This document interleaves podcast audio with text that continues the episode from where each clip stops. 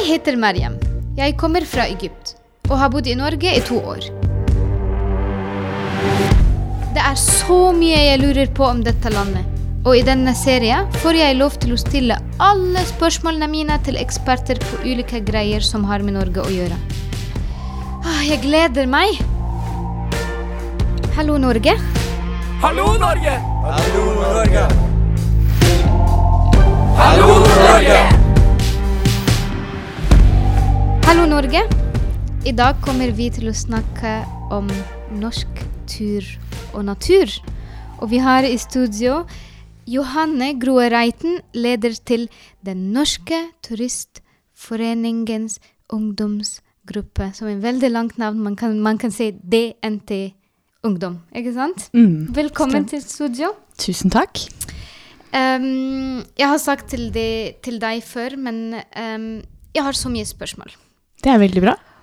Og min første spørs spørsmål handler om den eh, veldig norsk ordtak som jeg hører hele tiden, og det er ut på tur, aldri sur. Mm. Hvorfor er det sånn i Norge? Jeg tror vi er jo I hvert fall fra liksom gammelt av så er vi vant til å gå på tur hver søndag. Søndagstur er et sånt konsept som eh, jeg er vokst opp med. Som det kanskje begynner å bli litt mindre av nå. Men vi, vi har liksom tenkt at det å komme seg ut og gå tur, det er eh, bra for oss. For da slapper vi av, og vi får tid kanskje med familien. Eh, og vi eh, lærer oss at det ikke er kjempefarlig å bli litt våt eller bli litt kald. Og vi, eh, jeg husker da jeg var liten, så dro vi ofte og plukka bær og sopp på disse søndagsturene. Så man lærte mye, og så var man med familien. Eh, så da, jeg tror det kommer av at vi bare tenker at eh, det å gå på tur, det er, eh, det er bra for oss. Og da, da skal vi liksom være glad når vi holder på med det. Men tro, tror du det har liksom noe historie liksom i Norge? Fordi for oss, som, mange av oss som kommer fra andre kulturer, for oss man går på tur for å komme til et sted for å gjøre noen ting. Ikke sant? Det, er liksom, det finnes alltid en purpose. Men det her konseptet at man tar bilen og kjører langt og stopper bilen for å gå, det er ganske nytt for mange av oss. Å gå liksom og leve så primitivt som mulig. Og eh, jeg tenker, har det noe å gjøre f.eks. når folk bodde i forskjellige eh, langt fra hverandre, eller Mm, helt klart. ja. I Norge så har vi jo eh, langt, langt, langt, langt, langt bak i historien bodd i distriktene. Altså vi har bodd langt unna hverandre. Så man har måttet gå langt for å komme til hverandre. Ehm, men det som du beskriver med å kjøre langt for å gå en tur, det tror jeg er litt nyere. For før så gikk man jo i området der man bodde. Eh, alle hadde ikke bil, man reiste ikke så langt i helgene. Mens nå så har vi kanskje Vi har hørt om et turmål eller en topp hvor det er kjempefin utsikt. Kanskje har sett et bilde på Instagram. Sant? Det er sånn mange får med seg Trolltunga eller Ja. andre sånne ikonsteder som folk veit om. Så får vi for oss at dit vil vi også, for der har vi jo sett at der kan det være kjempefint. Og så er vi jo litt sånn at vi har lyst til å oppleve det vi ser andre har opplevd som fint. Ja. Eh, så det, der tror jeg det kommer fra det at vi reiser langt for å gå én bestemt tur, da. Der eh, er, Altså, det Det er også liksom Jeg prøvde det nå. I det siste. Jeg prøvde det mer og mer. Så første gang jeg har vært i skogen i livet mitt, Oi! var kanskje en måned siden. Ja. Og det var helt fantastisk. Jeg syns det, var- det var så um, terapeutisk på en måte, men også Det var morsomt når du snakker nå om eh, sopp, og jeg tror jeg kommer til å snakke om det senere. Men jeg har aldri sett sopp før jeg kom til Norge. Som i, på bakken, og alt var liksom på tre. Og det her var helt liksom, Jeg følte som Alice in Wonderland. Ikke sant? Ja. Jeg går rundt og Å, sopp! Og, det fantastisk. Men det også tar meg til et annet, spørsmål som jeg vet uh, I mitt hode knytter det mye med uh, Norsk uh, Turistforeningen, og det er hytter. Ja. Og en, en hytte, hva er en, er det en vanlig, var det en gammel konsept å ha en hytte? Har det alltid vært i norsk kultur? Hva er en hytte? ja, hytter det starta som noe for eh, de rike menneskene i Oslo som ville komme seg til fjells, og som da var de eneste som hadde råd til å bygge seg et hus til. Og det bygget de da på fjellet for å få fred og ro fra byen. Egentlig akkurat det samme som vi driver med i dag. Og så laga man da eh, Den norske turistforening, sånn at eh, byfolket skulle kunne komme seg opp på fjellet og oppleve fred og ro og stillhet. Eh, og det skjedde for 150 år siden. Men det var rike folk? Det var rike folk. Det var, eh, det var liksom overklassen i Oslo. De ville på tur. Men så ville de også gjøre det mulig for andre å komme på tur. Og derfor så har man da fortsatt å bygge hytter, og har nå over 500 hytter rundt omkring i hele Norge. Som man, hvis man er medlem, så kan man få nøkkelen til disse hyttene. Og da er det en del av de som er betjent, som betyr at det er eh, et slags lavstandard hotell. Eh, hvor du får eh, soverom, og så får du da servert eh, treretters middag og frokost, og så smører du en matpakke. Eh, og så er det folk som jobber der. Og så har vi selvbetjente hytter. Der er det et matlager okay. med tørr mat og boksemat og, Og det vi kaller for Toro-supper og sjokolade. Og, Lys! Dere har og- lys! Ja, stearinlys Og, og det, det var fantastisk. Ja, sant. Og ved og Alt i orden. Ja, så bra. Og gass til å lage mat eh, og sånn. Eh, men da ordner man alt selv, og det er ingen som jobber der. Og man henter vann i en bekk, eller det står ofte beskrevet på hyttene hvor man henter sånt. Eh, og så skriver man ned bare på sånne ark som ligger der, eh, navnet sitt og e-postadresse. Og så skriver man ned all den maten man har tatt, og hvor mange netter man har overnatta. Og så putter man det i en boks, og så får man da en faktura etterpå. Så det er bare basert på tillit, og på at vi stoler på at folk faktisk skriver ned at de har tatt eh, to poser med Toro tomatsuppe. Eh, og da er det det vi fakturerer deg for. Og så har vi også ubetjente hytter. Der er det ikke mat, men det er gass og ved og senger og dyner og puter og alt du trenger, så da må man bare ha med seg maten selv. Jeg syns det er helt fantastisk. Men, og, men det, jeg lurer Alle rydder etter seg vanligvis, ikke sant? Ja, vår erfaring er jo at det går veldig bra. Eh, og jeg tror det er noe med, i hvert fall når man har gått et stykke, så får man veldig sånn følelsen av at sånn wow, her er det en hytte som jeg får lov til å bruke. Og det er en litt sånn tillitserklæring som jeg tror folk føler på. Og, så vi har ja, veldig, veldig gode erfaringer med at folk stort sett eh, vasker ordentlig og rydder ordentlig etter seg. Det, jeg syns det er utrolig bra. Og det er en veldig Jeg tror en av de beste ting jeg vet om Norge. Og den mulighet til å liksom den, Jeg husker første gang eh, jeg gikk på skogen, og det liksom eh, Eller gikk på tur eh, et sted. Uh, og det er et spørsmål jeg har for deg også. Jeg finner Jeg husker da vi gikk etter eh, Når vi ser en strek på en tre, og da spurte jeg hva er den strek som ligger på tre. Og eh, mine venner sa det er Norsk Turistforeningen som hjelper folk eh, og vet hvis de, de går på rett vei. Og jeg synes det er utrolig at en person først tenkte at jeg må hjelpe andre til å ikke bli helt eh, lost in the jungle. Så det var, jeg syns det er fantastisk. Men hva betyr en blå Det er jeg lurer på. Hva er en blå strek, og hva er en rødt strek? Ja, godt spørsmål. I Oslomarka eh, så er eh, de røde strekene De er laga av Skiforeninga. Det er de som lager skiløyper. Fordi rødt det ser vi mye bedre om vinteren. Så at når vi går på ski om vinteren, og det er hvitt ute og blå rim og sånn, så ser vi de røde stripene veldig godt. Så hvis du følger de røde, og de går gjerne over myrer og over vann osv., så, videre, så hvis man følger de røde strekene om sommeren, så blir det ofte litt vått. Men de blå strekene, de ser man bedre om sommeren. Sånn at de er da stiene. Så da kaller man det for blåmerka sti. Og da vil det også dukke opp skilt i alle stikryss eller veikryss man kommer, som da er satt opp av Turistforeninga. Men det kan variere litt rundt omkring i landet. Så hvis man kjøper seg et kart over området man skal gå på, så står det på baksiden hvilken farge det er. Og da er ofte streken på kartet er samme farge som streken på trærne. Sånn hvis det er røde streker som er stier, sånn som det, i fjellet, så er de røde strekene på kartet stier, og da er det røde T-er som er malt på steiner. Mens i Oslomarka så er det blå streker på kartene, fordi det er de blå strekene på trærne som er stiene.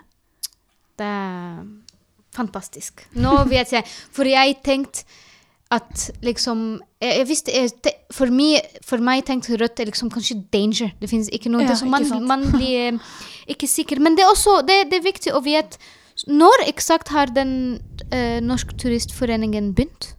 Hvor gammel er det? 1868. 1868. Akkurat 150 år siden i år. Åh, Mm, 1868. Det er veldig gammel. det er veldig gammelt. Veldig gammel. Mhm. Oi, og det her, men ha- den teknikk har alltid blitt brukt? Ja, og merker ute i fjellet. For man starta da med å bygge disse hyttene i fjellet, sånn at eh, byfolk eh, kunne gå tur. For de som bodde i bygdene, de var jo gjerne bønder, så de hadde ikke tid til å drive og gå tur. Eh, og så fant man ut at vi kan jo lage stier mellom disse hyttene. Okay. Så vi kaller det liksom et rutenett i fjellet som går mellom hyttene våre. Så eh, de fleste stiene de går fra en hytte til en annen hytte. Fantastisk. Og hvordan kan man bli medlem? Det kan man gjøre på internett, på dnt.no. Og så står det 'bli medlem'. Eller så kan man gå innom eh, Vi har noen butikker. I Oslo så har vi både i Storgata og ute på Sørenga. Og i en del andre byer så har vi også da en DNT-tursenter. Hvor man også kan få hjelp til å planlegge tur. Og. Å, fantastisk. Har de noen som kan hjelpe folk å gå på ski? Tror du? Vi har kurs om vinteren. Nei! Jo. En del steder er det kurs om vinteren. Fantastisk. Det Ja, OK. Da anbefaler de. Ja. Ok, Det er bra. Alt du lurer på om Norge, finner du her. Dette er Hallo Norge. Når nordmenn går på tur Mm. De alltid spiser Kvikk Lunsj. Ja. Hva, hva er historien med det? Ja, si det. Kvikk Lunsj er jo um, Det er jo en sjokolade vi har hatt lenge, da. Um, hvor lenge veit jeg ikke. Det er nok Det starta sikkert med at noen begynte med å ta med seg Kvikk Lunsj på tur, og så ble det på en måte bare tursjokoladen. Litt som at man ved andre anledninger har noen faste ting man spiser. Ja. Eh, jeg føler at liksom Hvorfor ikke Snickers? Hvorfor Ja. ikke liksom det Kvikk Men Snickers eh, høres jo litt mer utenlandsk ut. Mulig Ja. det har kommet seinere. At Ja. Kvikk Lunsj eh, kom som en sånn eh, Det norske en norsk, eh, norske Freia. Ja. Ikke sant? Eh, og så er det jo litt rann, eh, mat i det, kan man jo kanskje innbille seg, med at det er litt kjeks eh, inni. Så ja. Jeg det- elsker Kvikk Lunsj. Jeg fikk det på bursdagen en gang. Når jeg fortsatt bodde i Egypt, fikk jeg som en bursdagsgave. Wow. Kvikk Lunsj, velkommen til Norge. Det var helt fantastisk. Men når vi snakker også om Norge og tur og, og Kvikk Lunsj og alt sånn, man må tenke på en mann som jeg nå ble kjent eh, om, eller med. Lars Monsen. ja. Hvem er Lars Monsen? Ja, Lars Monsen, han er en fyr som har vært utrolig mye på tur. Og så har han eh, Han starta veldig tidlig med å filme eh, at han gikk på tur. Mm. så han har eh, vel gått noe sånt som Canada på tvers og vært veldig mye aleine på tur. Og eh, fått filma at han har møtt mye bjørn og store, skumle dyr. Helt Han er ikke Og- redd av noen ting. Det Han ikke syns sånn. alt er morsomt. Jeg tror det. Mm. Så han har rett og slett Han er vel en av de første i Norge som klarte å leve av å gå på tur mm. og, og filme det. Så er det, har han inspirert veldig veldig mange til å komme seg ut på litt eh, både store, men også mindre eventyr. Så han eh, Ja, og så støtter han veldig det at uh, folk skal gå de turene de, de, de selv klarer, og at man ikke trenger masse dyrt utstyr. Eh, ja, så det blir jo veldig sånn uh, folkelig også. Eller, det, det gjør at de fleste skjønner at oi, jeg kan jo faktisk prøve noe lignende. Jeg syns at han er helt fa jeg, jeg så på alt om den Canada-tur. Ja. Jeg syns det er liksom så fascinerende hvordan han Altså, det blir så dårlig vær, og alle ser at det er så dårlig vær, men han sa å ja, ja, nå sokkene mine er våte. Ikke sant? Han liksom det er veldig mm, han er veldig fornøyd med livet, og det er veldig koselig å se. um, og nå vet jeg at det var um, minutt for minutt på NRK at man følger en uh, tur av uh, Lars uh, Monsen, og det er liksom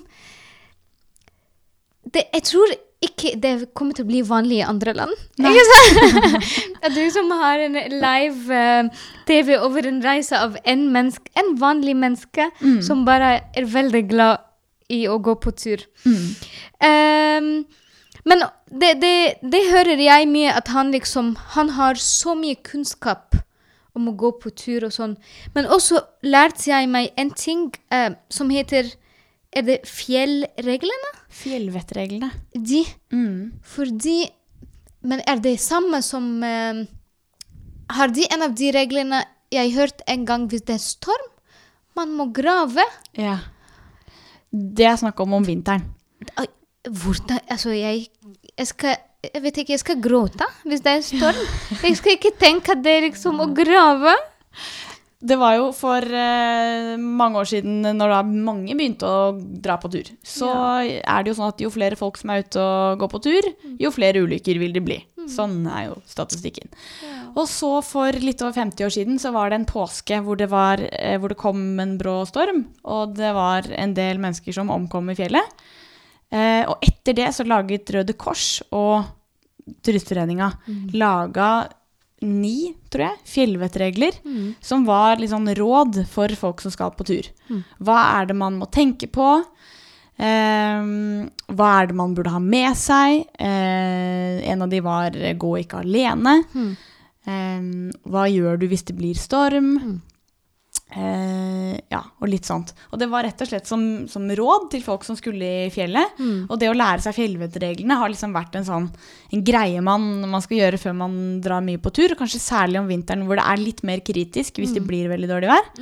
Og dette da med å grave seg ned eh, hvis det blir eh, kjempedårlig vær. Og derfor skal man alltid ha med seg spade f.eks. på vinterturer. For hvis det blir storm, så er det mye lunere å være inni en Ah, så det fins en spade. Jeg tenkte alltid at man Ok, så det står i reglene. ja. Så da, det, da blir det null grader cirka inni en snøhule, og da kan man være der ganske lenge. Ja. Til stormen kanskje har roa seg. Det er, eh, det er fantastisk å tenke at liksom alle de tilfeldighet I tilfelle det skjer Norsk eh, Turistforeningen har en plan. Ikke sant? Jeg syns det er fantastisk. Men jeg også eh, anbefaler at alle leser de um, viktige reglene. For eh, det, det er bra at man føler trygg også når man går på tur. Alt du lurer på om Norge, dette er Hallo Norge. Og det er også tid til å spørre når man føler trygg, for i, i år sov jeg i telt i skogen, som jeg har sagt til deg. Og jeg, jeg har alltid lurt på Er det noe farlig dyr som er i skogen, eller eh, eh, Hvor er bjørn? Hvor kan, så hva, hva kan man forvente eh, når det gjelder dyr i Ja. Norge når man er på tur? Det er egentlig eh, ingen farlige dyr i Norge. Ingen sånne som vil oppsøke folk. Eh, det er veldig få bjørner. Det er noen langt, langt, langt oppe i Nord-Norge. Mm. Og ellers i Sør-Norge er det ikke noe å være redd for. Eh, og alle andre dyr vil være reddere for oss enn vi er for dem. Eh, så det med farlige dyr, det trenger man egentlig ikke å bekymre seg så mye for. Det hender i, i skogen at vi har hoggorm, som eh, kan bite Oi, oh. hvis du tråkker på dem. Ja. Men de vil jo aldri gå til angrep, eh, og de er ganske små. Eh, men da burde man dra på legevakta hvis man blir bitt. Men det, de biter ikke gjennom sko, og de er ikke store. Og Nei. de biter kun hvis du omtrent tråkker på dem. Sånn at hvis man bare ser seg litt for når man går, så er det Ja. Helt Så man må bare passe på orm. Og hva med uh, flått? Det, det er en Ja. ting Jeg husker når jeg først kom til Norge, og da vi har uh, hytta på, i Tromøya. Ja. Ground zero Det er flott. Ikke sant? Og jeg har hørt at man, man må alltid passe på flott, flott. Så uh, hva, hva, hva skal man uh, gjøre hvis man finner flott på kroppen? Ja, Det første man kan gjøre, er at man kan prøve å være flink å bade eller dusje om kvelden. Fordi flåtten den går gjerne en stund rundt på kroppen før den setter seg og biter. Og det da er bitte lite, ikke sant? Det er liksom er en, en svart liten knutt. Ja. Ja. Og den vil gjerne sette seg på litt sånn lune steder. Steder det er varmt. Armhulen eller ja. skrittet eller sånne steder. Så man kan gjerne også ta en som en titt om kvelden. Sånn, er det, sitter det noe på meg nå? Ja. Eh, og det vil jo da falle av hvis du bader eller dusjer før den har festa seg. Ja. Hvis den har bitt seg fast, så skal man vel prøve å fjerne den med pinsett. Mm. Eh, og så se om det blir en sånn rød ring rundt. Og hvis det blir det, så burde man jo kontakte lege. Ja. Mm, for det kan ha med seg noen bakterier som ikke er så bra. Men en annen dyr som har i Norge som har vært mye i media, er ulv. Ja. Hva, hva skjer med ulver i Norge? For jeg, jeg, jeg føler at uh, uh, Jeg husker det var en stor demonstrasjon før, men jeg forstår ikke helt den debatt. Kan du fortelle oss? Ja, Nå har ikke jeg satt meg veldig inn i den debatten, men eh, det går vel litt på at man i Norge har sagt at, eh, og vi har skrevet under sånn internasjonale konvensjoner og sånn, på at vi skal ha noen ulv i Norge. Og så er vi også veldig opptatt av at folk skal bo i distriktene våre. Vi vil ikke få en sånn kjempesentralisering, sånn at folk bare bor i byene. Og de som bor i distriktene, de er jo gjerne bønder, og en del av de driver med sau, f.eks.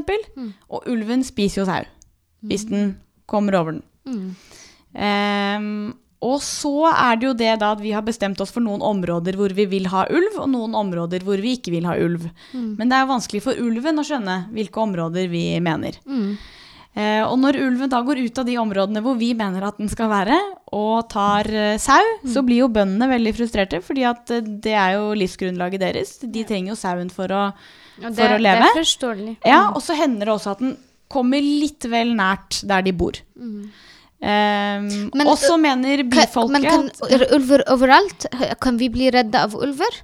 Eh, ulven er mye reddere for oss enn eh, vi trenger å være for den. Så det er ikke noe grunn til å være redd for, eh, redd for ulv. Mm. Men eh, så er det litt sånn typisk at eh, byfolket som ikke har den tett på seg, vi tenker at ja, men er det ikke Det er viktig med biologisk mangfold, det er viktig med ulv, men så er det litt eh, trasigere for de som bor med ulven veldig tett på seg. Som da mener at her må vi felle flere ulver. Så jeg tror det er omtrent det de krangler om. Det er spennende. Det var del én. Tusen takk, Johanne. Eh, vent med oss. I del to kommer vi til å snakke om hvordan kan man gå på tur som en nordmenn. Hallo, Norge! Hallo, Norge!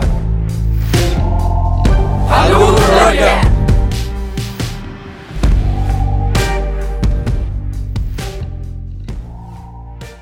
Denne Podkasten er produsert av Tid og Lyst. med støtte fra stiftelsen Scheibler.